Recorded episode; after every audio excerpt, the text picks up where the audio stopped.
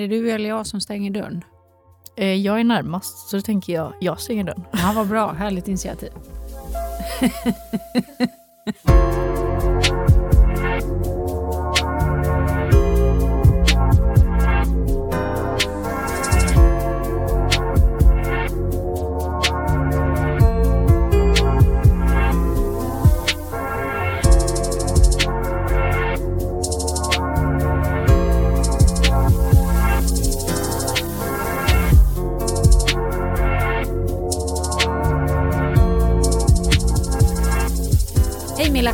Hej Ulrika. Hur är läget? Det är bra. Är det bra? Ja. Härligt. Jag Har vågar inte säga något annat. Nej, jag ska våg. Okej, är det nu vi ska sluta podda då? För det är maktmissbruk här i podden och en vågar inte säga vad den tycker. Jo, men Eh. just nu var jag faktiskt bra med. Men eh, generellt så är det lite så här upp och ner. Ja, Och det, jag säger bara årstid så förstår alla. ja, ja nej, men den har vi ju historiskt Jag eh, känner varit att jag har inne i. pratat om den för mycket nu. Ja, Så jag behöver inte säga mer. nej, du, jag tänker att du håller på och tränar på att förhålla dig till det på ett annat sätt så att det blir mer konstruktivt för dig. Eh, Och Mm. den träningsresan går ju upp och ner. Yep. Eh, Men har du någon julkänsla då? Mm, lite. Ja. Det tror jag inte du vet om förresten, men jag har börjat jobba i en tebutik. En tebutik? Mhm. Alltså Millas främsta go-to är ju te. Nu jobbar hon i en tebutik. Precis. Ja, Det är därför jag är glad. Nej, ja, men ja precis. en det, stor det, del det av smittar på allt. Och det doftar väldigt gott i en tebutik också. ah, vad kul. Mm, och då får man lite julkänsla. För vi har ju ganska mycket julteer och eh, julpynt i butiken. Jag har säkert rätt mycket julmusik på om ni spelar musik. Faktiskt inte. Men man Nähä. hör ju ibland. Speciellt nu i helgen, för det är julmarknad i Haga ju, där butiken ligger. Och är du i den tebutiken i Haga? Mm. Aha. Ja. Vad kul. Vad ska du jobba där nu extra alltså vid, vid jul och, och mellan praktik och skola då alltså? Mm. Men det är ju det som är käckt. För att eh, jag har ju fått lite förmån då. Att jag går dit eh, efter praktiken och jobbar där typ två timmar på vardagar. Ah, Eftersom att det ligger så nära. Det tar ju typ fem minuter att gå dit. Ja, du rör dig liksom i en liten eh, trekant just nu mellan Ja, boende, praktik och tebutik. Ja. Och sen har jag varit där på helgen, på lördagar i alla fall. Ah. Jag brukar skoja lite om att det är som kosläpp när vi öppnar på Ja. lördagen. Folk står utanför liksom i kö och bara väller in. Japp. Men vad kul att det, det, alltså, det tänker jag är ett tecken på att det går bra för dem och att det finns en efterfrågan om. Mm. Um, för det är ganska nischat att bara ha en butik med Mm. te. Det finns ju en annan i Haga som bara har olivolja. Mm. Exakt. Eh, och jag funderar ofta på det, om det huruvida det finns bärkraft i liksom en, en sån nischad eh, Mm. vad ska jag säga, profil. Precis. Men det gör det uppenbarligen. Vad kul! Mm. Då ska jag kul. komma förbi och handla te av dig. Gör det. Ja. Det är ju så roligt med, för alltså, om man hade jobbat typ på en matbutik, då hade ju många kanske varit stressade med om man ska handla grejer och varit ja, men, lite mer eh, otrevliga, tänker jag Mm. generellt. Men jag har faktiskt aldrig jobbat i matbutik så jag ska inte säga för mycket. Men det är i alla fall poängen är att de är väldigt trevliga folk när de kommer och köper te. För det är ju något man vill göra. Det är inte så att du måste ha te hemma. Så. Nej, men det ligger ju lite nära så. unna mig skålen, tänker Ja, jag. precis. Ja. Så folk är ofta väldigt trevliga. Så, mm. Mm. Härligt. och jag är väldigt glad eftersom att jag får sälja te som jag själv älskar. Ja, men det är ju ett område som du redan eh, så att säga eh, har eh, mycket egen uppfattning om, tänker Mm. jag. Och smaker och provat. Och... Japp. Kul! Så Ja, skitkul. Mm. härligt med lite roliga grejer, tänker jag. Ja. Så här i, ja, inte november längre, men i december i alla fall när vi spelar in det här. Mm. Mm. Hur har du haft det det senaste då? Eh, nej men jag ankrar väl på egentligen det stimmet jag var lite eh, i de föregående avsnitten att jag har eh, otroligt mycket att göra. Mm. Alltså företagsmässigt, eh, vilket är jättekul. Um, finns ingenting i, eh, i min värld som överhuvudtaget eh, pratar om någon form av lågkonjunktur. Eh, så det är någonting jag hör på tv och sen så går jag till jobbet och gör någonting annat. Mm. Vilket är, jag är tacksam för såklart. Mm. Med, med tanke på allt som pågår. Nej, så att jag mår eh, väldigt bra. Tycker det är kul. Härligt. Mm. Får utmana mig rejält i massa olika nya eh, uppdrag och konstellationer. Mm. Eh, men tar också tacksamt in bekräftelsen av att det jag gör är ju någonting som ger någonting för att jag ehm, det där med referenser där ute som ger ringa på vattnet till någonting är ju det största beviset för det. Vilket jag eh, ska ta in i min eh, års eh, årsslut eller årsbokslutsdel som jag snart går in i. Mentalt eller företagsmässigt? Nej, eh, framförallt mentalt, men det viktar ju också i, i en eh, företagsdel, men eh, overall mentalt över livet eh, Mm. och året som har gått. En sån som jag tänker att jag skulle vilja eh, dela här. Eh, hur man eh, leder sig själv eh, framåt utifrån en, en, ett verktyg. Men jag tänker vi kan ha ett helt avsnitt om det, eller så gör jag en inlägg bara på vår Instagram om det, hur man faktiskt kan göra det. Mm. Eh, får se. Men där är jag. Ja. Japp.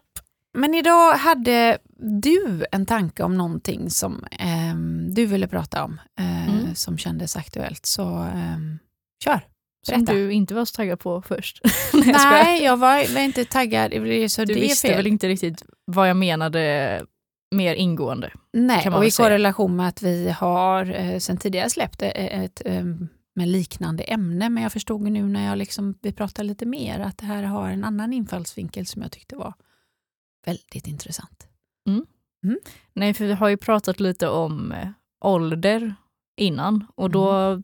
ja, täckte vi väl olika spann på det. Alltså så här, dels om man är ung och sen eh, medelåldern känns konstigt att säga. Men eh, ja, Olika åldersfaser i livet helt ja enkelt. och lite äldre om Mm. man ska kategorisera det så. Mm. Men nu tänkte jag att vi skulle fokusera lite mer på unga, Mm. vilket lämpligt nog faller sig eftersom att jag är rätt ung skulle Mm. jag vilja påstå. Och där är det nyttigt av mig och för mig att både eh, se och höra, eh, återigen anledningen till att vi är två generationer som gör den här podden. Det är så nyttigt att få höra perspektiven. Mm.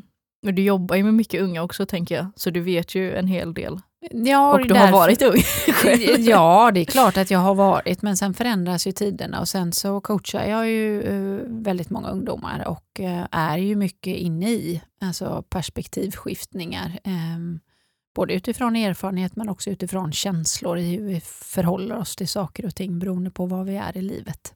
Mm.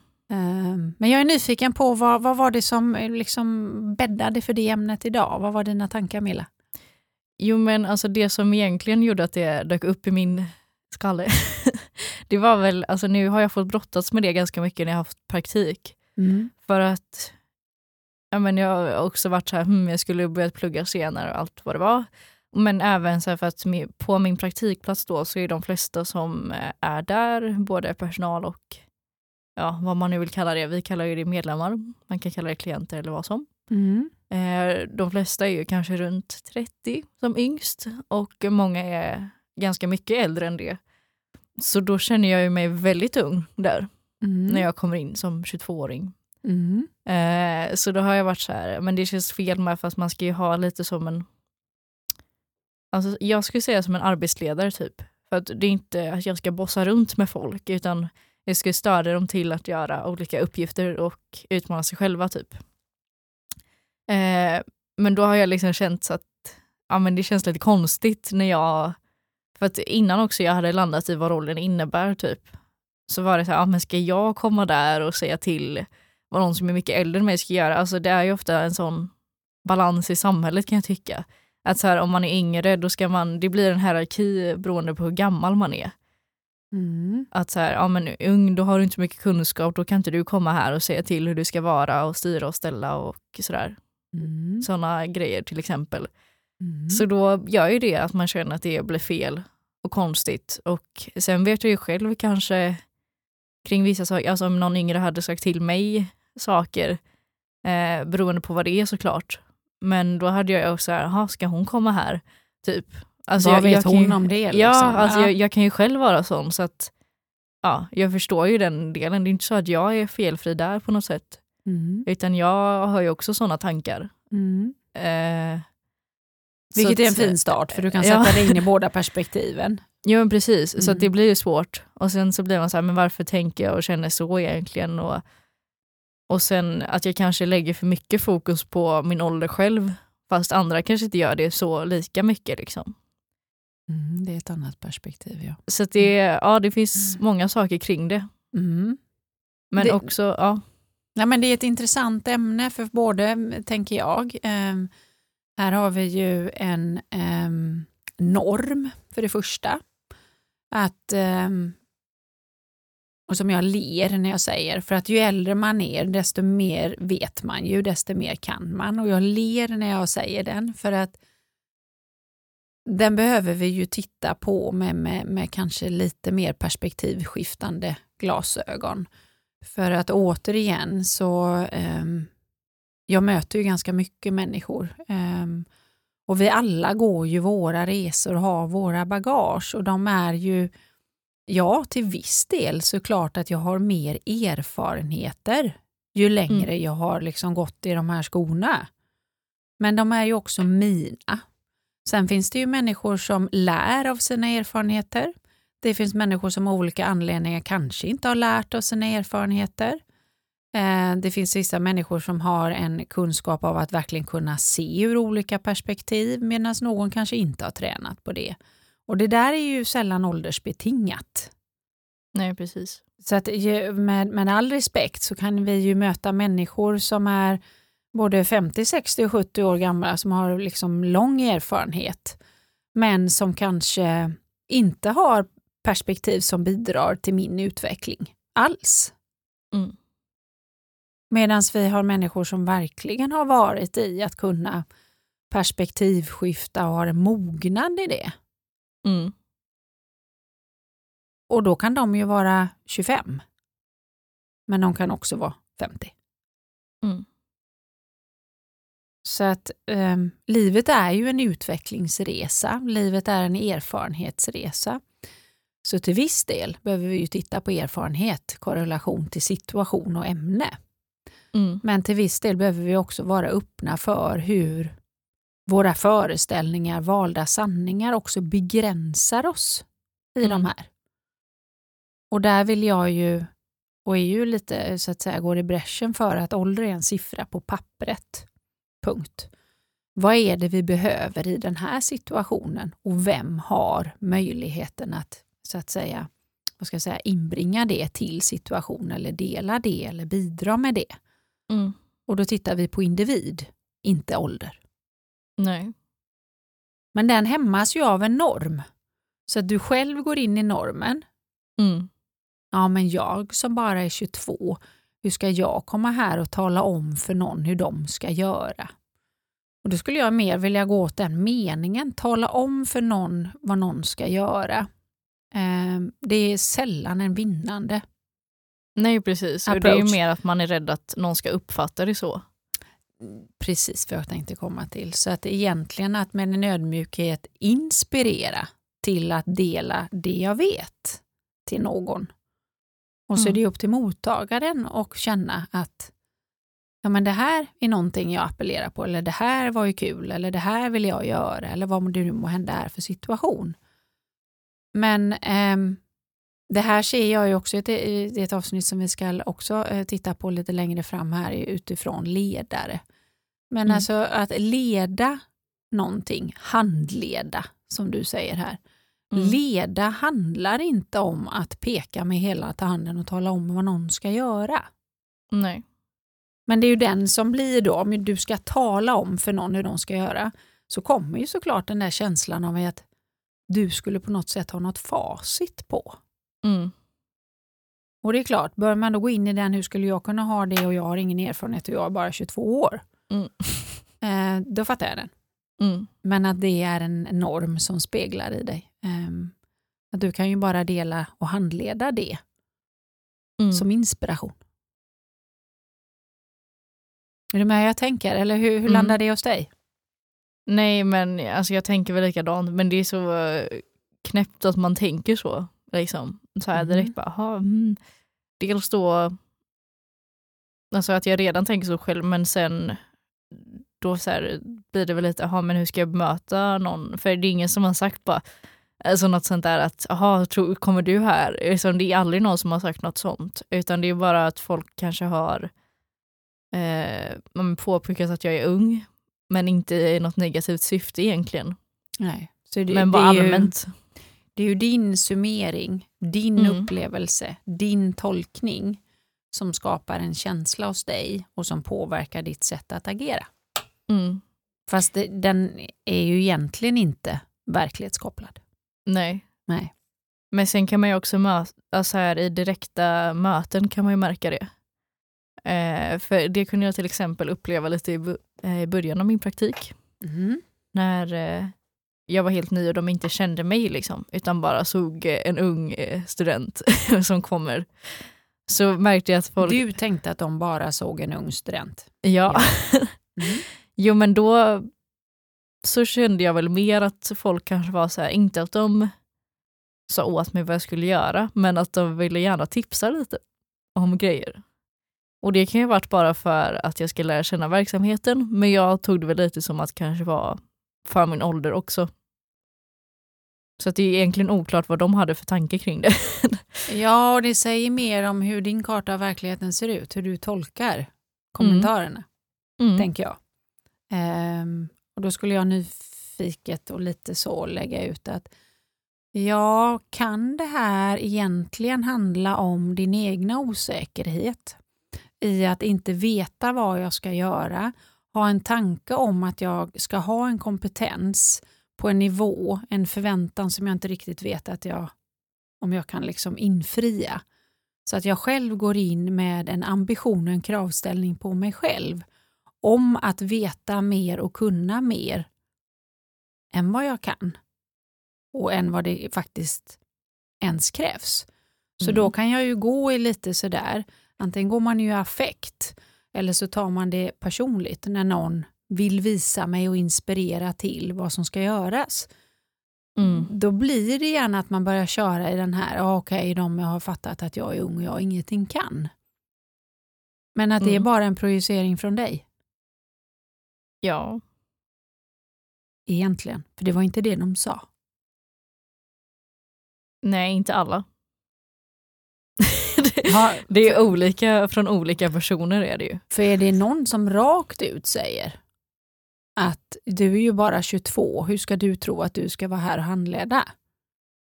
Då säger Nej. ju det mer om den personen i så fall, om det är någon som rakt ut har sagt det. Allt annat som inte kommer rakt är din tolkning. Ja. Nej, så har det ju ingen takt, men det hade ju varit eh, dumt att säga. Nej, ja, det tycker jag. Jag hade ju sagt mer om den personen som ja. jag säger och, och, mer, att då kan jag ju gissa att det finns lite annat där som jag kan förhålla mig till. Mm. Um, men det här är ju någonting som är, det, det, är inte unikt för ålder egentligen, fenomenet tänker jag, så får du tänka, vill ha rätta mig om jag tolkar fel. Men det här är ju nog ett fenomen som vi går och bär med oss hela livet. Förmodligen. Att känslan av att jag ska vara tillräckligt kompetent för det jag gör. Eller mm. bluffsyndromet, när ska de komma på mig att jag inte kan det jag gör och jag säger att jag förväntas för roll eller sammanhang. Den går vi med hela livet. Jag mm. har um, jag kan själv appellera till den. att när har jag tillräckligt många certifikat? När har jag tillräckligt många fortbildningstimmar för att verkligen säga och känna att jag är bra på det jag gör? Mm. Kommer den någonsin att infria sig? Nej. Det kommer alltid finnas något nytt att lära. Det kommer alltid finnas något nytt att utvecklas i. Det kommer mm. alltid finnas situationer där jag kommer in och har en känsla av att oh, det här kan inte jag. Nej. Och den får vi leva med hela livet. Men utifrån neuroledarskapet så vill ju hjärnan hela tiden ha kontroll. Att du vet och har fullständigt, alltså allt överblick, järnkoll. För det, det är ju det den strävar efter. Så att jag har ju med min egna resa idag eh, Och nu drivs jag ju också, den inre motivationen hos mig drivs ju också av utveckling, så det är en annan spelare som vi kan prata om i annat. Jag får ju prata med mig själv. Jag får ha en inre dialog, för min intelligens vet det här som jag precis sa. Men känslomässigt, utifrån neuroledarskapet och hur vår hjärna fungerar, så kommer Mm. jag alltid återbesöka den platsen av att mm, lever jag upp till förväntan? Vet jag ens förväntan? Är jag kompetent nog? Eller tar jag mig för stora friheter genom att säga att jag kan någonting? Eller vill inspirera till något? Mm. Den kommer vi alla återbesöka tills den dagen vi går i graven. More or less. Ja. Mm. Sen kan jag ju irritera mig på, rent personligen, att vi ehm, har en norm och att vi har en, en hjärna som dömer utifrån normativa bilder. Och är vi inte vaksamma på den och människor inte har tränat på att vara vaksamma på den så dömer ju våran hjärna allt hela tiden, varje sekund, utifrån är det en hotbild eller inte? Mm. Och där är vi ju inte alltid liksom med medvetandemässigt, så då kan det ju finnas möten där människor lever med en bild att ja, men är man eh, tjej och 22, ja, men då har man ju ingen livserfarenhet. De finns ju alltid. Mm. Och då menar jag att det är det jag kallar för mognad. Mental styrka och mognad. För när en sån tanke kommer upp så behöver den ifrågasättas Mm. och kanske inte på sekunden ageras på. Nej. Och där är vi ju mer eller mindre medvetna om eller vill träna på att faktiskt göra. Mm. Så den kommer man ju möta och du möter ju den själv i din egna inre dialog. Jo, Eller hur? definitivt. Ja, och med ett leende, det gör vi alla. Mm. Jag gör det också.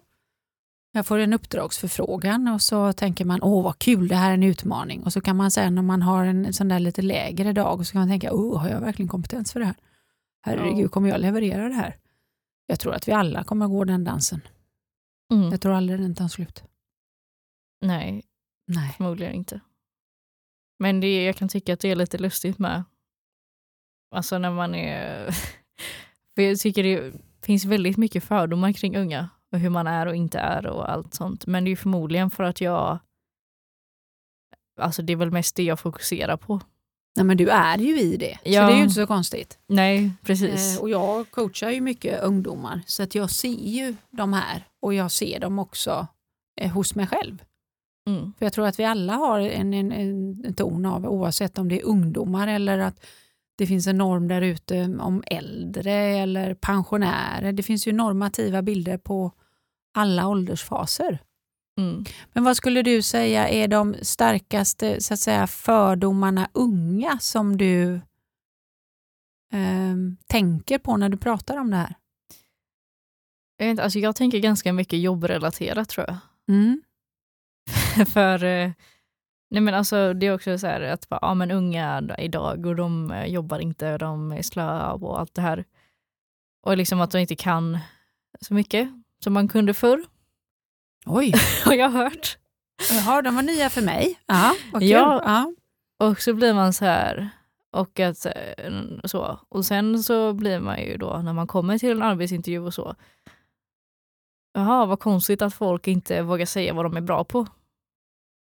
När man får höra det hela tiden. Att Ja, det man är inte lite kan, som vi och man pratade om i förra. Ja. Och man, eh, ja, man kan ingenting och man är lat och man har aldrig gjort något tidigare och allt är fel. Och du ska ha 25 års erfarenhet och eh, en master fast du är 25. typ. Mm. Och så här, hur går det ihop? Mm. Och så har man alla de här negativa delarna med sig. Så ska man liksom först övervisa det känner man ju. Och sen ska man gå in på vad man verkligen vill säga om sig själv egentligen för att få jobbet. Mm. Nu, nu jag Inte säkert att det är sant, men det är så jag har upplevt det många gånger. Nej, Eller ja, att man det- tänker, jag har kanske inte upplevt det så mycket när jag själv har sökt jobb. Men att man hör ifrån andra och sådär. Och Mm. kanske framförallt bland mina vänner att man känner den oron när man söker jobb. Mm. Alltså det är flera jobb som jag kanske har valt att säga, jag orkar inte ens söka det för att jag, då söker jag hellre ett annat jobb. För att jag vill inte ens behöva utsätta mig själv för det här. Mm. Jag orkar inte bli nekad på grund av det igen.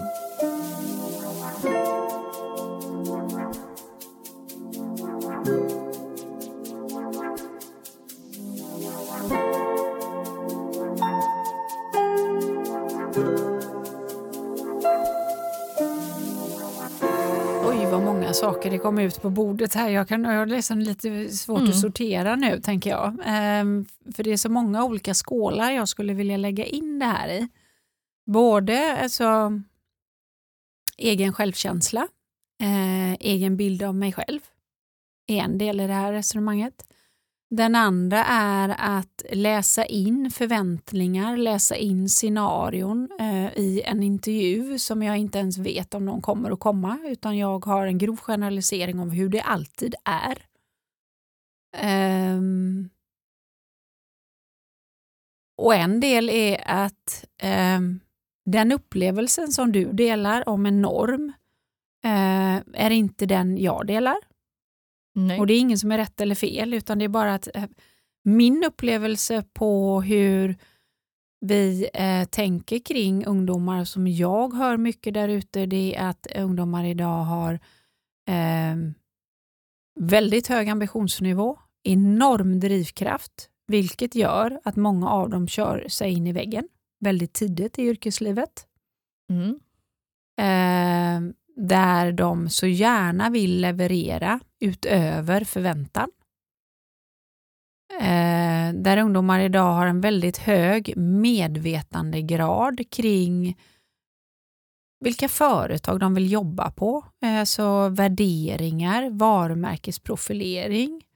Eh, att ni väljer väldigt eh, utifrån egna värderingar och vad företaget har för värderingar. Ehm, att många unga idag både å ena sidan faller offer för dåligt ledarskap, det är därför jag vill ha det som ett ämne i podden, men också att ni, en, en, en stor del av ungdomar idag är väldigt medvetna om ledarskap, så de har ganska hög kravställning på Mm. vad de förväntar sig av sin ledare. Ehm, det är det jag möter. Ja, alltså, det är så jag tänker och känner Mm. om eh, folk i min ålder. Mm. Men jag tycker inte det är det jag har fått tillbaks. Och vad har du fått tillbaks? I vilket signum, vilken situation eller vilket, vad, vad kommer den andra informationen ifrån?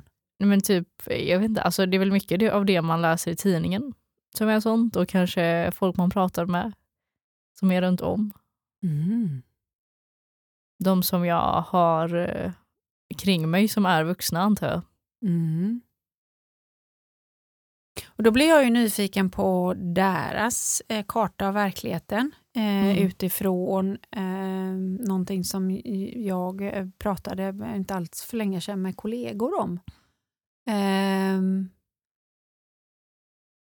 kanske inte så mycket min generation, men framförallt generationen före mig var ju väldigt eh, utifrån att man ska vara att man är tacksam för att man har ett jobb och man är lojal och man säger ja till chefen och eh, de här bitarna.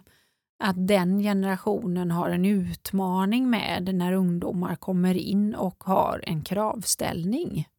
Mm. Ehm, vilket jag till viss del, oaktat att gå in i kravställningen, ibland kan den ju vara liksom kanske top of the line, att man kanske behöver ge det en chans först innan man går in och har en kravställning.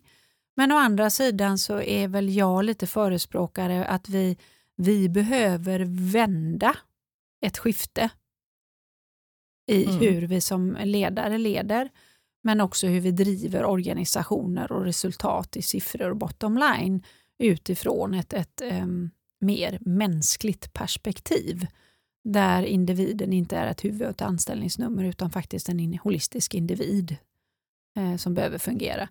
Så att eh, ibland kanske kravställningen kan vara väl hög men jag kan ändå som en helhet säga att jag, eh, vad ska jag säga, ehm, jag firar den inställningen hos er ungdomar, för vi behöver det skiftet.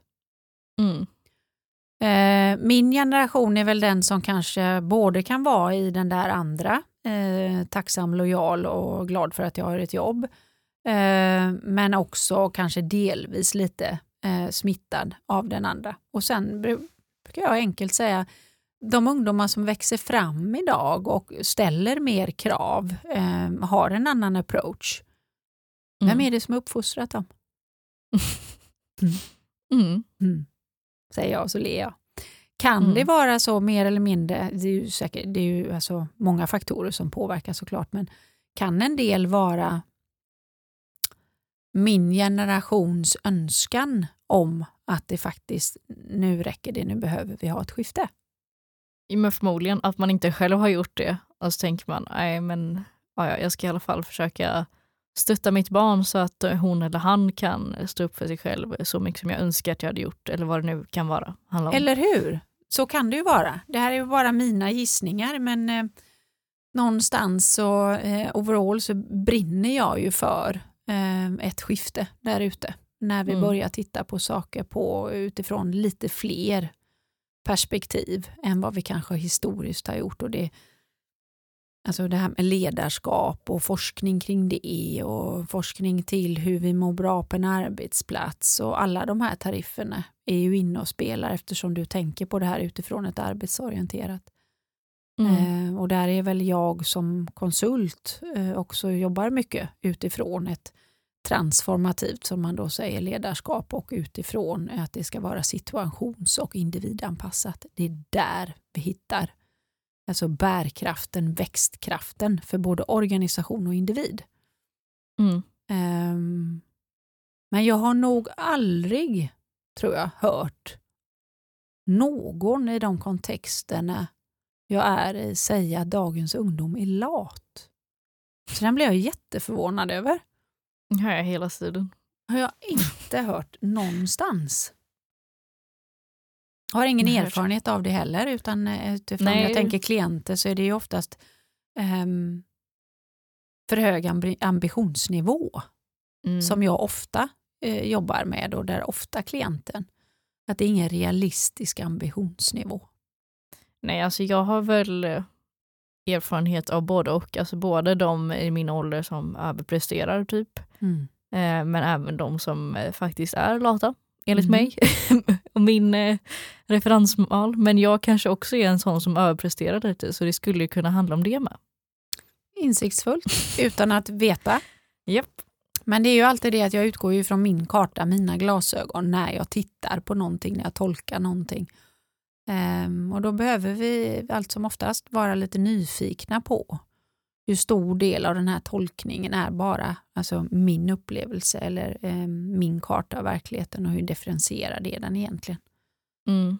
Ehm, sen finns det ju säkert individer där ute som, som eh, vad, man, vad man nu lägger i begreppet lat och vad är deras kärna till att vilja, eh, tänker jag då, hålla en lägre takt eller har en lägre ambitionsnivå. Vad är deras syfte? Vad är deras kärna med det? Kan man ju bli nyfiken på, för lat tycker jag jag går lite skav på det ordet som en allmän definition. Ehm, för ofta möter jag den hos människor som har ehm, drivs av att göra, hela tiden göra, prestera, ambitionsnivå. Eh, där finns en enorm rädsla för lat. Eh, och då blir jag alltid nyfiken, är, vad, vad, hur är man när man är lat? Vad är definitionen av lat? Ehm, Mm.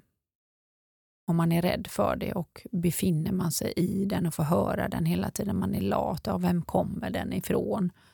Och hur ser min definition ut och hur jag vill lägga upp mitt liv? Är jag lat för att jag ehm, inte vill göra karriär? Är jag lat för att jag inte vill plugga, inte orkar mer efter 12 år i grundskola och lägga fyra år? Är jag lat då? Är jag lat om jag ehm, inte vill plugga hela året och sen ägna tio veckor sommar åt att jobba? Är jag lat då? Alltså, och jag lägger ingen facit i den. Jag vill bara slänga ut den som reflekterande frågor. vad är definitionen av lat? Mm. Mm. Jag har ju jättemånga klienter som alltså, har för hög ambitionsnivå och har för hög stressnivå. Och deras största rädsla är att jag blir uppfattade som en person som ingenting gör eller som är lat. Mm. Och eh, för dem är definitionen, om jag exempelvis skulle säga i stressen, om man kanske börja träna på lite mindfulness och bara vara, ta en promenad i skogen. Ja, men då Mm. gör jag ju ingenting. Då blir det en definition av att vara lat för dem. Ja, alltså jag kan ju lite känna igen mig i det där. Eller mer som att jag får brottats med det lite själv för att jag vill så här, nej men nu har du faktiskt, det, för mig är det här lagom mycket Mm. att göra typ, eller lagom mycket vad det nu är. För att ibland kan jag känna, alltså man berättar så här om vad man gör, jag tror inte jag varit med om att någon har sagt att jag är lat, eller så, Mm. eller att jag borde göra mer eh, på det sättet. Men och så hör man vad andra gör och hur mycket de gör och bla bla bla. Och så blir man så här, "Ha, borde jag också göra det? Men så har jag väl landat i mer och mer att bara, nej men det ska du inte alls göra för att det här är tillräckligt för dig. Sen om någon annan väljer att göra mer än det så det är väl upp till dem i så fall. Mm. Jag har satt min gräns liksom för vad jag känner att jag vill och inte vill göra. Och eh, vilken tid jag vill lägga på vilka saker och så vidare. Och den är ju egentligen det kopplat till det jag var lite inne på i att det är vi absolut största, viktigaste vi kan ge oss själva, det är att träna upp vår självkännedom. Mm. Att när jag värderar, när jag dömer eller upplever att jag blir dömd, har jag en hög självkännedom och träna på den, det kommer komma nya hela livet som man behöver träna på, så man blir inte fullad på något sätt, men har jag ambitionen av att faktiskt perspektiv och ifrågasätta så finns det otroligt lärande krafter i den. Ja, okej. Lat, jämförelse, andra gör, jag gör inte. Men nu landar jag i den en självkännedom. Alltså hur mår jag bäst? Hur ser mitt facit ut? Hur ser alla pusselbitarna ut när jag mår som bäst? Då är det det jag står upp för. Men jag behöver ju också träna lite, utforska lite för att hitta dem och vara lite nogsam för när jag fastnar i en föreställning av vad som är rätt och fel Mm. i jämförelse. Men också när jag börjar tolka in andra, precis precis som man så här, alltså normer kring ungdomar. Ja, det finns det. Och de är lika differentierade som det finns personer på den här planeten. Och sen finns det en overall, någon form av norm som vi uppfattar att vi möter mer. Men jag ler ju åt att vi har, bara vi två, har helt olika upplevelser av vi möter. Japp. Så vad är egentligen en norm? Mm. Och vad är det som är min hjärna som söker bekräftelse för någonting som jag kanske själv håller på att processa? Mm. Och så letar den mer efter bevis på det. Kan jag alltid bli så nyfiken på. Det är ju den där klassiska om jag har börjat titta efter att jag ska eh, köpa någonting eller precis har köpt någonting. Vi säger en ny bil eller eh, en nytt eh, en kappa eller Helt plötsligt så ser jag väldigt mycket mer kappor av den sorten, byxor av den sorten, tröjor av den sorten. Eller kanske bara, jag ligger och funderar på om jag ska köpa Ska jag köpa en Volvo eller ska jag köpa en whatever? Och helt plötsligt ser jag massa Volvobilar ute. Mm. Varje gång då behöver man le för det här är en metafor för hur hjärnan fungerar. Mm. Så om jag har uppfattat att det finns en norm som säger att ungdomar är lat, ja men då kommer min hjärna omedvetet leta efter hela tiden saker som bekräftar att den normen stämmer. Mm. Och jag ler åt det här för vi gör likadant hela tiden. Ja. Och det är väl också det som bekräftar en norm, säger jag. Som får en norm och får syresättning. Ja, för jag Mm. tänker att eh, alltså både det du och jag sa som normer eller fördomar eller vad man nu ska säga om det. Alltså jag tänker att alla de stämmer egentligen. För det beror lite på ja, men vilka man umgås med, hur man pratar om det och vad man söker efter lite kanske också som du sa. Så att eh, alla de stämmer ju säkert. Men Mm. utifrån olika umgängen och ja, Mm. allt det där. Så vad är egentligen då sant? Brukar jag med ett leende säga. Ja. Och då handlar det ju lite om, och jag säger inte att alltid den är lätt heller, men att, att om lite om man tänker då, alltså ditt intervjuexempel, ja fast vad vill jag gå i bräschen för och vad, hur behöver jag boosta mig själv? Vad vill jag? Vad vill jag stå för? Mm. Eh, att, att landa där. Nej, men jag vill träna upp min förmåga om att eh, säga vad jag är bra på. Jag vill gå dit med ambitionen om att jag är nyfiken på, eh, är det här ett företag för mig? Eh, är det här jag vill vara? Jag vill gå hit och vara utifrån ambitionsnivå, alltså vad säger mitt CV i korrelation till själva ehm, vad ska jag säga, detaljerna för vad de söker, alltså rekryteringsmässigt. Vad, vad Mm. vill jag och vad behöver jag vara ärlig med och vad vill jag stå upp för? Ja, det är lite intressant för det var ju en på min praktik som sa till mig så här, han var, ah, men du vet, eh, när han hade precis, han bara, ah, men jag var ju så här ambitiös och bla bla och så. Och han bara, ah, och då fick jag jobb där sen. Han bara, så det måste man tänka på. Så jag bara, ah, så sa jag, ah, om man vill ha jobb där man har praktik. det är inte säkert jag vill det. Eller så här, Nej, jag kanske är där för att det är ett avstamp till alltså, kompetens och jag Mm. vill lära för att jag sen har något annat mål. Eller men- jag kanske vill jobba här för kompetensrikta och sen så tycker jag det är jätteskönt att jobba i en tebutik. ja. Eller hur? Ja. Nej men för det var ju det jag menade lite, alltså så här att ja, men man får tänka på vad jag själv vill också. För jag sa ju det, alltså jag Alltså nu gillar jag min praktikplats där jag är men det är inte säkert att jag vill jobba där sen. Eller så vill jag det, alltså det får vi väl se.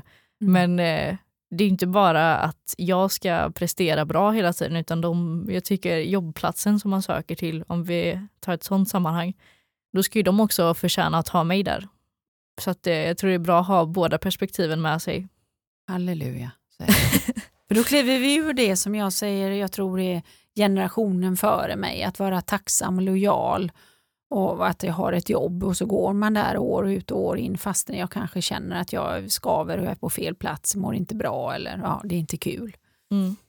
Ehm, men att också, precis som du säger, fundera på, är det här en arbetsplats för mig? Vill jag vara här och hur möter de mig i det? I Mm. korrelation med vad jag, så det är ju en dans i givande och tagande för att det ska bli den där magin eh, av en härlig bärkraft och tillväxt. Ja. Så att, eh, sen så får man ju också, tänker jag, att många gånger så upplever jag att ni eh, ungdomar, och här kommer jag med en, en, en upplevelse som han, kommer från mig, eh, att ni har så hög ambitionsnivå för vad ni direkt ska jobba med för att det ska kännas så där bra. ja, att man inte är beredd att ta... Menar att man, ibland behöver man ju ta de där alltså, hundåren där jag Mm. faktiskt lär mig saker, gör saker från grunden för att bygga den där kompetensplattformen som tar mig vidare till det som är mitt mål och min vision. Mm, det kan jag också känna mycket. Ja, så att, att återigen det här med, med norm, att ja, men jag ska snabbt vara på den platsen, eh, jag ska veta vad jag vill eh, och jag ska liksom verkligen komma ut i arbetslivet och vara precis i linje med det Mm. när jag är 20 bast.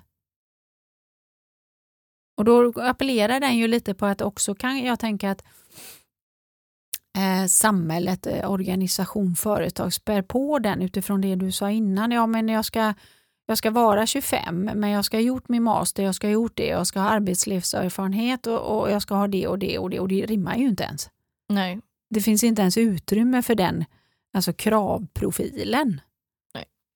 Men det är också återigen att där behöver vi ju samverka för att slå hål på den. Mm.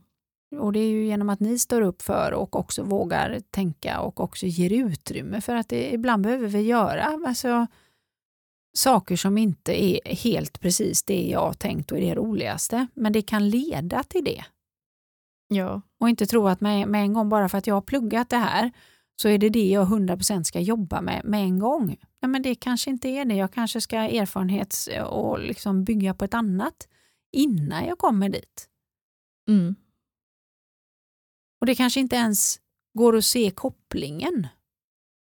Nej, för, men det är också en grej. Eller för förut var jag väldigt så här, ja, jag ska äh, läsa socionom och sen så ska jag typ eh, vidareutbilda mig. Eller kanske jobba några år och sen vidareutbilda mig så fort jag kan till psykoterapeut och jobba 50% eget och 50% på vårdcentral. Typ.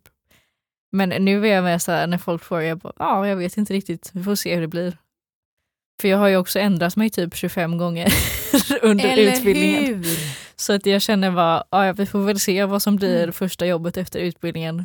Mm. Eh, jag har ju några idéer liksom, om vad jag skulle kunna tycka om, men Mm. eh, det får typ, ja men ja, så kanske Mm. jag kommer söka dem då, sen får man Mm. väl se vad det blir. Och det där blir så tydligt för mig. andra grejer sen liksom. Ja, och att där i den, eh, ungefär så som jag jobbar utifrån det coachande förhållningssättet, att ha en vision. Visionen där framme kanske är någon 50% egen och 50% anställd Mm. inom det här som jag idag upplever tycker är kul. Då sätter jag den visionen och så börjar jag fundera på vad är mina första steg mot den visionen? Jo, men det är ju att då börja plugga socionom. Då gör jag det. Mm. Och så känner jag på, är jag fortfarande på rätt väg? Och det här är det jag pratar om när jag säger att man gör ett årsbokslut. Mm. Ja, men det känns fortfarande kul. Jag gillar det här. Okej, nu börjar jag närma mig slutet. Vad blir mitt nästa steg då? Ja, men det är kanske ut och känna på det här lite i den form som blir möjlig utifrån att jag är nyexad socionom. Ja, vad kan jag göra det? Och så får man en praktisk erfarenhet som antingen förstärker visionsbilden eller förändrar den. Mm. Och så tar man de stegen steg för steg. Men visionen där framme, den får ligga där Mm. Tills att någonting tillträder som känner att nej, men nu har jag provat det här. Det blir nog inte det. Jag vill nog vara 100% egen eller jag vill vara 100% anställd eh, med en liten annan inriktning. Okej. Skönt. Cool insikt. Vad blir mitt Mm. första steg i den riktningen då? Japp. Och för mig är det här livets resa Mm. overall. Mitt starkaste tips är att inte sätta upp eh, en tidsram för när man ska göra saker. För att förut var jag väldigt mycket så här, ja men typ, ja, till exempel då att bara, ja, men jag, ja, jag skulle egentligen in- inom min planering då redan ha träffat någon. Mm. Och sen ska jag ha mitt första barn när jag är 25. och sen så ska jag ha gjort det och det. Och sen kanske någonstans när jag var runt 30 så skulle jag börja då och eh, arbeta som, som psykoterapeut och jobba 50 eh, med eget och 50% inom eh, ja, regionens vård. ja. Ja. Mm. Men eh, jag har ju ingen partner än. jag tror inte att jag kommer få barn när jag är 25, om jag ens har barn. har jag inte bestämt mig för heller. Och jag har ingen aning om eller när jag ska bli psykoterapeut. Jag är fortfarande inne på att jag kanske vill bli det, men vi får se. Så skippa de här tidsramarna är mitt eh, största tips. Mm. Annars blir man bara stressad. Och det är, ju, det, det är fantastiskt det du säger för att det är ju precis det som ehm, för mig är det där med att hjärnan vill med en gång i en framåtkraft skapa sån enorm kontroll. Mm. Och kontroll, då behöver vi tidsätta, vi behöver och ibland kan vi, beroende på vad vi drivs av och vad det handlar om, kan det vara otroligt bra att tidsätta någonting. Mm. Men att också tillåta de här sakerna att existera parallellt. Att ha en vision framåt utifrån vad jag känner idag och den är inte tidsatt. Men jag börjar att ta första stegen och de kanske blir tidsatta. Jag pluggar socionom i x år. Mm. Då blir ju den där. Mm. Och då kan jag vila i den för då är jag utforskande av den. Och sen vet jag att någon form av nästa steg kommer jag ta för visionen kvarstår än så länge. Mm. Och när det börjar bli dags då, då funderar jag på att tidsätta nästa del. Men dessförinnan så är jag här och nu. Mm. Jag pluggar till socionom. Japp. Men jag har den här visionen där framme. Mm. Ja. Fint! Så hur vill vi runda av det här för lyssnarna? Eh, dels att vi uppenbarligen hade olika bilder då Mm. av att vara ung och vad det innebär och normer kring det. Mm. Eh, förmodligen stämmer båda de bilderna. Så att man får väl försöka att se båda våra uppfattningar kanske lite av det. Så att eh, dels man är medveten om att det finns en del negativa aspekter Och eh, om man själv är ung, kanske inte tar dem för på stort allvar och om man är, ja men, kanske har något barn eller så, vet jag, som är eh, ung, så kan man ju ha lite förståelse för det med och tänka att om man som du då bara ser de här positiva saker, inser att ja, det är inte bara de som eh, mitt barn i 20-årsåldern, säger vi, får uppleva. Nej. Men också att man som ung då ser de här positiva sidorna också. Att, men fasen, alltså vi, jag ser kanske hos många som en driftig person utan att jag ens har visat det. Mm. Och att liksom ta till sig det och inte känna att man behöver överprestera i allt. Mm. Mm. Så tänker jag också. Normer finns och eh, normer kan ibland vara eh, framåtkraft. Eh, normer kan ibland lägga fälleben för oss. Eh, och vad är externa normer i korrelation kring vad som är en egen upplevelse? Att vi börjar utforska dem lite och eh, faktiskt eh, kanske börja träna på att eh, förändra när det inte gynnar mig. Välja olika förhållningssätt till någonting. Mm. Eh, och där kan vi ju eh, verkligen generationsmässigt hjälpas åt. I hur vi uppfattar, eller hur jag, för det är precis som du säger, bara i, i detta poddavsnittet, hur olika vi ser saker och hur vi olika fokus vår hjärna har på vad som är norm och vad det är mina egna inre, eh, vad är egentligen en extern och hur vill jag förhålla mig till den? Så lite högt och lågt, men jag tänker att det här var ganska, eh, vad ska jag säga, det här berör nog ganska många lyssnare. Mm. Oavsett eh, alltså, eh, ålder, för vi började egentligen normer ungdomar, fast jag tror att det här kommer för dig, för du är ungdom. Eh, Mm. Jag lever också i norm. Eh, Mm. Så att de får vi nog leva med hela resten av livet. Förmodligen. Så att, eh, att börja träna på att se dem. Eh, och vissa behöver vi punktera där ute. Jag, jag drar dem mitt strå till stacken genom att vara där ute som konsult och jobbar utifrån en, en förändringsresa i det. Eh, och den är ju kanske inte så lätt alltid när man är på väg in i. Men att våga faktiskt eh, stå upp för det som är bra för mig Mm. är väl egentligen det jag vill runda av. Så hoppas vi att det gav lyssnarna någonting. Mm. Ehm, och eh, ha det bra där ute och ta det lugnt och fridfullt nu ehm, och fundera mycket på vad är det för normer som finns runt jul? Vad som ska vara och Oj, inte oj. vara och vad som faktiskt du vill ha. Mm. Så kan vi platta in den i en stor normativ jätteskål som heter jul. Ja. Kram på er där ute. Ha det gott. Ha det fint. Hej, Hej då.